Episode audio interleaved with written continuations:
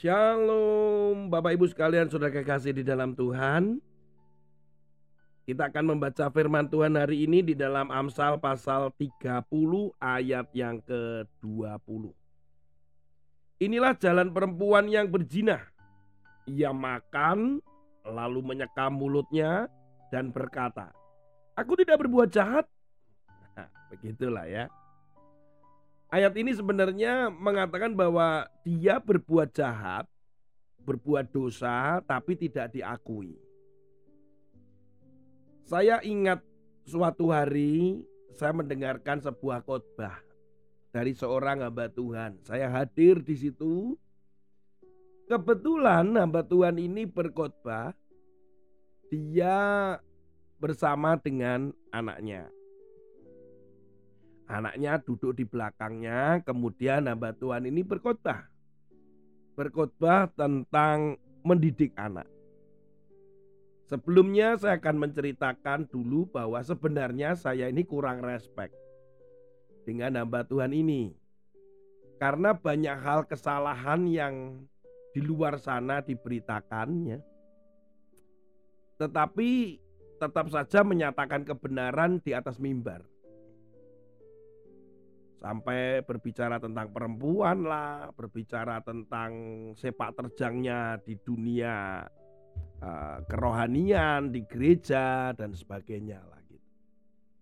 Tetapi puji Tuhan, saya ini dididik, dibesarkan, dibimbing dan digembalakan oleh gembala saya ketika masih ada di Madiun waktu itu. Dia pernah berkata begini.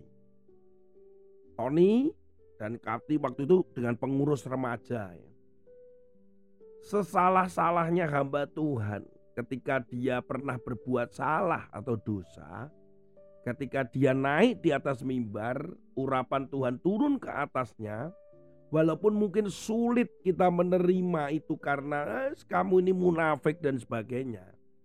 Firman Tuhan itu tetap firman Tuhan katanya. Tangkaplah ayat dan pesan apa pun di situ yang adalah firman dan itu kebenaran. Kalau bisa sementara tutup matamu terhadap pendeta atau yang khotbah. Sejak gembala saya mengatakan itu kepada pengurus remaja, termasuk saya, saya menangkap itu sampai hari ini saudara. Siapa pun yang khotbah di depan saya atau saya mendengar, saya tetap harus belajar respect bahwa itu adalah kebenaran firman Kecuali firman itu disesatkan ya. Ya firman kebenaran saya tangkap itu aja. Ayat minimum Tuhan bicara pada saya satu ayat apa itu? Nah itu kebiasaan saya sejak itu. Bahkan pendeta yang saya maksudkan ini pun pernah khotbah isinya dari awal sampai hampir selesai itu tentang gizi, vitamin dan kesehatan tubuh. Sampai saya ngomong sama istri saya itu. Ini khotbah atau konsultasi gizi sebenarnya. Tapi kembali lagi kepada gembala saya yang dulu saya ingat sekali. Tony kamu mesti ambil satu ayat. Eh puji Tuhan, nambah Tuhan ini waktu mau menyelesaikan khotbahnya 5 menit sebelum berakhir kalau nggak salah 5 atau 10 menit baru khotbah ada ayatnya jadi saya wah ini Ya, tidak hanya sekedar makanan tubuh sehat, ternyata rohani sehat pun ada ayat yang saya harus tangkap. Kembali lagi pada kisah di awal. Ketika pendeta ini khotbah dan di belakangnya itu anaknya, dia menceritakan begini. Saya itu tidak pernah memukul anak saya dengan sabuk. Dengan itu loh ikat pinggang itu saudara. Nggak pernah dari anak-anak saya. Apalagi anak saya kedua. Wah, yang diajak anaknya kedua. Lah dia ini ingin membuktikan. Dia tanya sama anaknya. Bener kan? Papa tidak pernah memukul kamu dengan sabuk. Saudara cukup mencengangkan semua jemaat juga kaget karena anak ini mengatakan pernah. Waduh. Saudara, di antara tertawa, antara yang malu, Terus pendetanya cuma gini, oh pernah ya? Ya mungkin papa yang lupa gitu. Ya sudahlah, Apa pun di atas mimbar kayaknya bener aja gitu ya. Hanya ini menggambarkan bahwa sama ini. Ketika seorang perempuan berzina ya makan, dia menyekam mulutnya, dia berkata bahwa aku nggak makan. Saudara, ini hidup di antara kemunafikan. Kembali lagi kita mari introspeksi pada diri kita lah.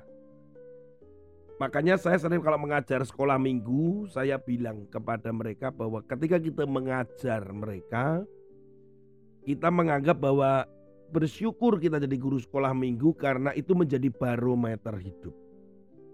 Ketika kita mengatakan doa itu penting, pertanyaannya apakah kita berdoa? Ketika kita ngomong mengandalkan Tuhan, apakah benar kita mengandalkan Tuhan? Ketika kita ngomong mengampuni, benar nggak kita mengampuni? Ketika mengatakan bersukacitalah senantiasa kata anak kepada anak-anak sekolah minggu. Benar nggak kita bersukacita dalam segala hal? Atau ketika hormatilah orang tuamu ya anak-anak. Apakah kita menghormati orang tua dan otoritas kita? Jadi menjadi barometer di dalam hidup kita. Itu menjadikan setiap pelayan Tuhan, guru sekolah minggu, saudara dan saya yang melayani Tuhan itu menjadi balance. Artinya kita jadi wah introspeksi ini, introspeksi. Maka saya mendorong kepada saudara yang cuma duduk diam mendengarkan firman Tuhan tanpa melayani. Please, ayolah layanilah Tuhan lah.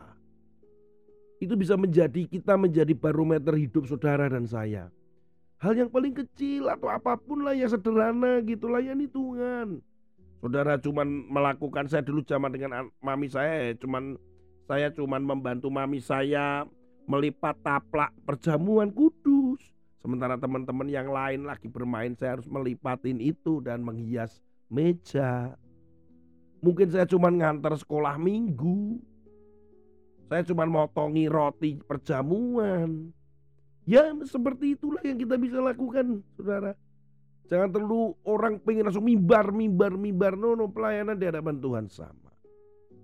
Dan tapi di situ kita bisa melihat bahwa aku ini menyenangkan hati Tuhan. Tuhan tahu saya harus belajar untuk hidup yang layak di hadapan Tuhan supaya Tuhan berkenan, berkenan oleh karena darah Kristus dengan perilaku kita yang melakukan firman begitu loh.